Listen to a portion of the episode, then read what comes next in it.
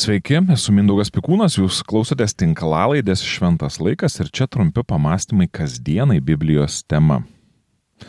Biblijoje Dievas yra dažnai vadinamas Abraomo, Izaoko ir Jokūbo Dievu. Beribis Dievas kažkaip save susijęs su šiuo pasauliu ir žmonių gyvenimai yra tas sąlyčio taškas, kur kūrinyje ir dieviškumas susitinka. Štai kodėl Biblija yra pilna pasakojimo apie žmonės. Mes tikime ne kažkokią abstrakciją ar filosofinę idėją, mes tikime Dievu, kuris save apreiškia konkretiems žmonėms ir per šių konkrečių žmonių gyvenimą Dievas tampa pažinus ir ateinančioms kartoms. Šiandien norėčiau pastebėti arba staptelėti ties Sename testamente minimu Jokūbu.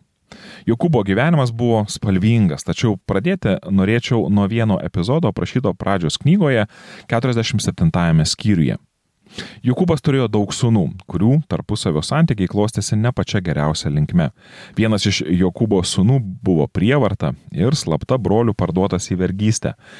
Ne, broliams nereikėjo pinigų, kuriuos gavo parduodami broliai į nelaisvę. Jie norėjo atsikratyti tuo, kurį senasis Jokūbas mylėjo labiau nei kitus savo sūnus. Tačiau Dievo vaizdos keliai yra paslaptingi ir sunkiai suvokiami. Juozapas brolių neapkestas, o tėvo numylėtas sunus liko ištikimas savo protėvių dievui ir iš paprasto vergo tapo viso Egipto valdytoju. Tai nuostabi sėkmės istorija ir Juozapo talentai atitiko jo pašaukimų dydį. Turėdamas tokią galę, Juozapas pasirūpino, kad šeima vėl susitaikytų ir senasis Jokūbas buvo atvežtas į Egiptą, arčiau Juozapo. Tik faraonas turėjo daugiau valdžios už Juozapą. Todėl Biblijoje yra rašoma, kad Juozapas atvedė savo tėvą Jokūbą ir pristatė jį faraonui. Jokūbas faraoną palaimino. Faraonas Jokūbą paklausė, kiek metų turi tavo gyvenimas. Jokūbas atsakė, žemėje mano gyvenimas ateiviu turi 130 metų.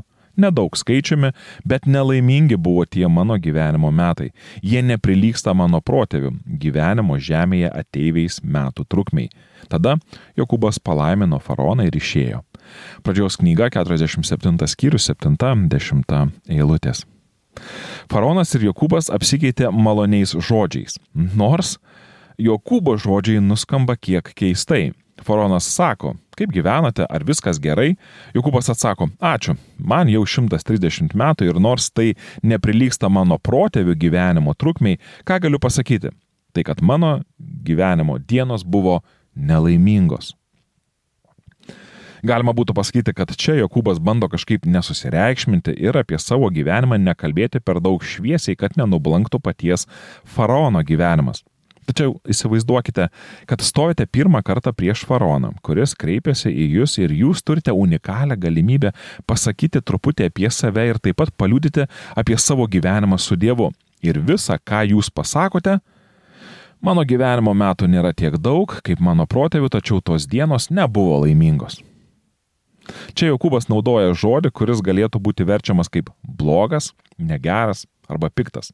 Taigi Jokūbas užuot pasakęs ačiū Dievui, gyvenu viltimi jam žinai gyvenimą ir kasdien dėkoju už jo teikiamą ramybę bei malonę, pasako, na, kiek čia to mano gyvenimo ir tai, kiek aš jo nugyvenau, nieko gero.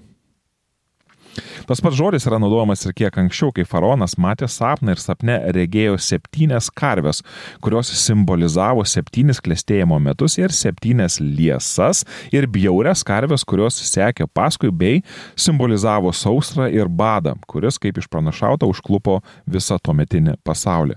Mūsų Biblijos vertėjai šį hebrajišką žodį, kuris reiškia blogas, negeras ar piktas, šioje vietoje verčia ir kaip bjaurus. Taigi vėl, grįžtant prie Jokūbo ir faraono trumpo pokalbio, galima būtų pasakyti, kad Jokūbas, paklausęs apie savo gyvenimą, sako, ai, ką čia daug kalbėti, bjaurus tas mano gyvenimas.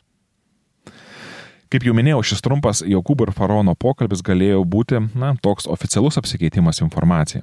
Tačiau kodėl Jokūbas pasirinko apie savo gyvenimą kalbėti taip niūriai? Nejaugi Jokūbas negalėjo nieko gerą paliūdyti faraonui apie Dievą, kuris taip gausiai palaimino, Egipto žemę per jo sūnų Juozapą. Anksčiau, kai manęs kas nors paklausdavo, kaip gyvenu, susidurdavau su dilema - kaip atsakyti. Ar atsakyti įprastai lietuviškai, kad nieko čia gero, valdžia tvarkosi netinkamai, bažnyčioje nesutarimai, sveikata galėtų būti geresnė, nespėjau visų darbų, jaučiu nepasitenkinimą, dažnai trūksta ramybės, atsibodo rutina, pinigų nuolatos trūksta ir taip toliau ir panašiai. Ar atsakyti kaip tikintis. Dievas geras ir jo man teikiama malonė yra nauja kas rytą. Anksčiau nežinodamas, kurią pusę pasirinkti, atsakydavau normaliai. Normaliai reiškia, kad nei blogai, nei gerai, kad tiesiog gyvenu ir per daug nesiskundžiu. Tačiau paskutiniu metu savo šeimoje bandome išgyvendinti tokius, na, nekonkrečius pasakymus kaip gerai, normaliai, nežinau, viskas ok. Jie yra nekonkretus ir nieko nepasako klausiančiajam. Jie taip pat yra tingus pasirinkimas klausiamajam. Nereikia per daug atsiverti, įsitraukti, vertinant savo gyvenimą ar įvardinant dalykus.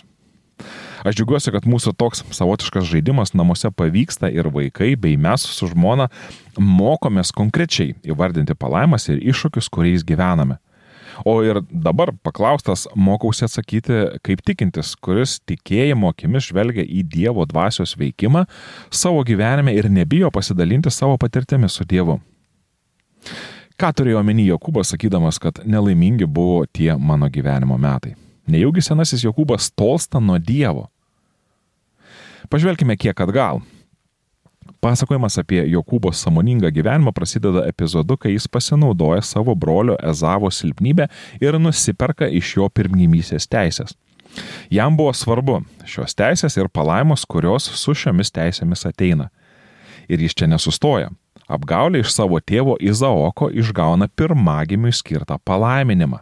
Taigi, Jokūbas į gyvenimą eina ryštingai siekdamas palaimos. Toks jo elgesys tik suskaldo visą šeimą ir Jokūbas, bijodamas brolio keršto, yra priverstas bėgti. Tremtyje Jokūbas nenuleidžia rankų ir su jaunatviška energija pasineria į rūpeščius, kurdamas savo geresnį gyvenimą. Bėgant metams Jokūbas veda ir užaugina pelningą verslą. Nusprendęs grįžti į namus, Jokūbas išgyvena lemtingą naktį, kai pergyvendamas dėl savo susitikimo su įskaudintu broliu, jis maldoje susigrumė su pačiu Dievu. Toje maldoje buvo išsakyta daug žodžių ir išjausta daug jausmų, tačiau viskas yra susumuota Jokūbo prašyme - paleisiu tave, kai mane palaiminsi. Jokūbas Dievui kalbėjo, baigsiu maldą tik tada, kai žinosiu, jog esu palaimintas ir Dievas Jokūbą palaimino ir davė jam kitą vardą. Toliau tavo vardas bus nebe Jokūbas, kalbėjo Dievas, bet Izraelis, nes ėmėsi su Dievu bei žmonėmis ir nugalėjai.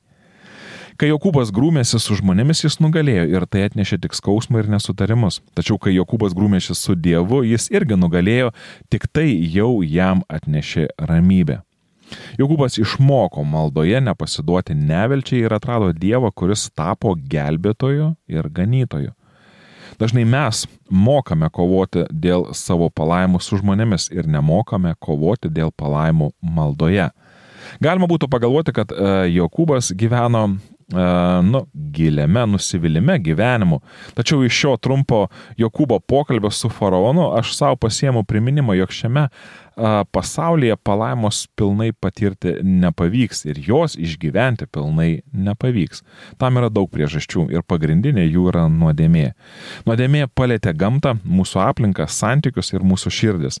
Siekis susikurti palaimą šiame pasaulyje niekada nebus iki galo patenkintas. Todėl hebrajams autorius tai prašė apie Jokūbą, jo protėvius ir jo vaikus. Jie visi mirė tvirtai tikėdami, dar negavę pažadėtų dalykų, tik iš tolo juos regėdami, sveikindami ir išpažindami, jog jie žemėje svečiai ir ateiviai. Taip kalbėdami, jie duoda suprasti, jog ieško tėvynės. Laiškas hebrajams 11 skyrius 13-14 eilutės.